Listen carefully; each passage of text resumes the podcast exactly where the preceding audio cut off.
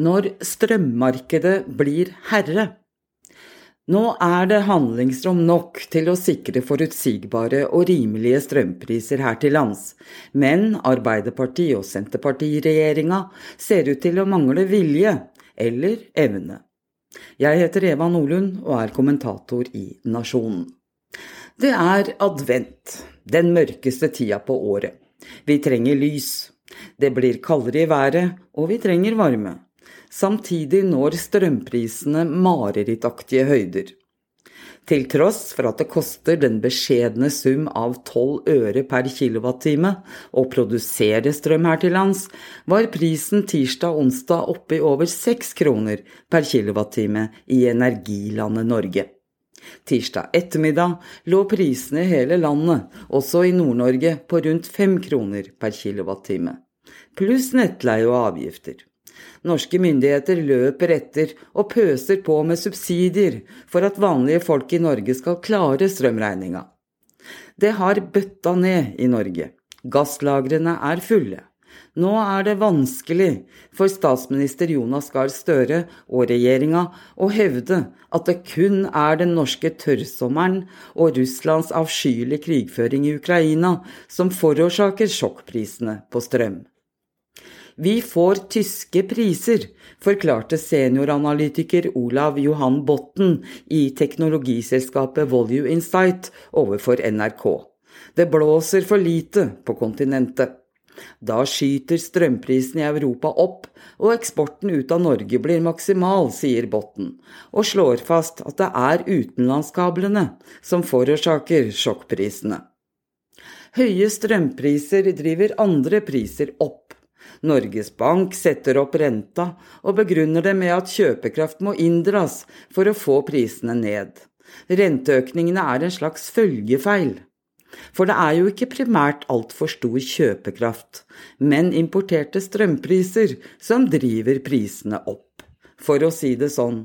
Det blir neppe lavere strømpris i Tyskland og resten av EUs energiunion av at norske husholdninger og norsk næringsliv mister betalingsevne. Dermed kan det å ta tilbake kontroll over energipolitikken også være et viktig skritt i retning av lavere priser her til lands. Intet tyder så langt på at Arbeiderpartiet og Senterpartiregjeringa vil ta strukturelle grep for å sikre kontroll med strømprisene. Det bør kanskje ikke overraske. Det er en villet politikk som ligger bak.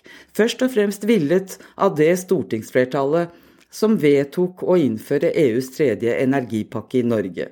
Ap-ledelsen var som kjent drivkraft for vedtaket sammen med høyresida. Senterpartiet stemte imot, sammen med SV og Rødt.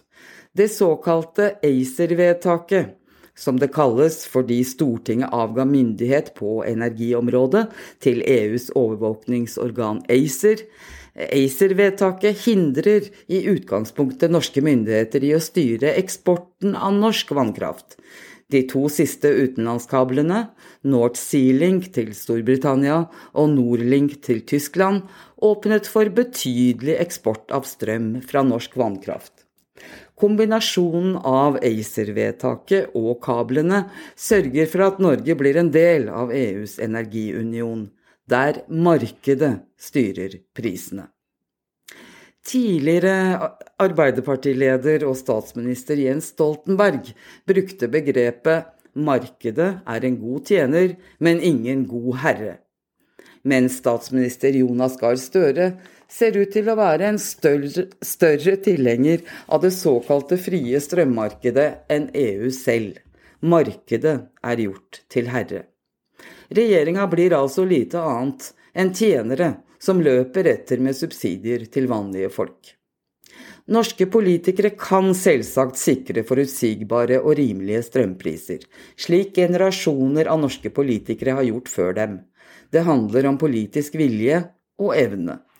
Det bør også være mulig innenfor EØS-regimet, når EU-kommisjonen selv er kommet til at energiunionen og det europeiske kraftmarkedet ikke lenger er egnet til formålet, som EU-kommisjonspresident Ursula von der Leyen sa det 29.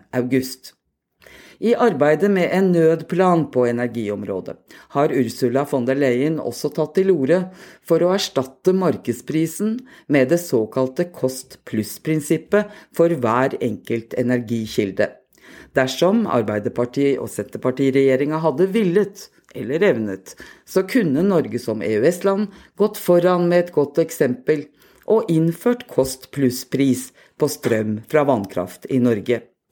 Kost pluss betyr i praksis 12 øre, pluss påslag for transport, kapitalkostnader, investeringer og oppgraderinger, eventuelt med tillegg for å stimulere til energieffektivisering.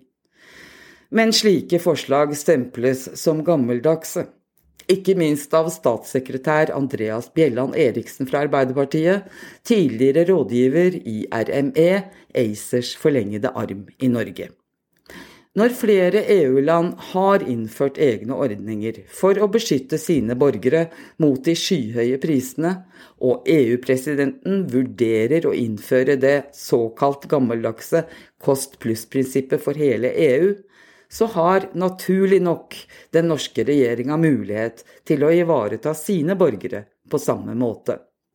Når det i tillegg er de norske gassleveransene som betyr noe for EU, mens strøm fra norsk vannkraft ikke kan utgjøre mer enn en dråpe i EU-havet, blir handlingsrommet for regjeringa romslig.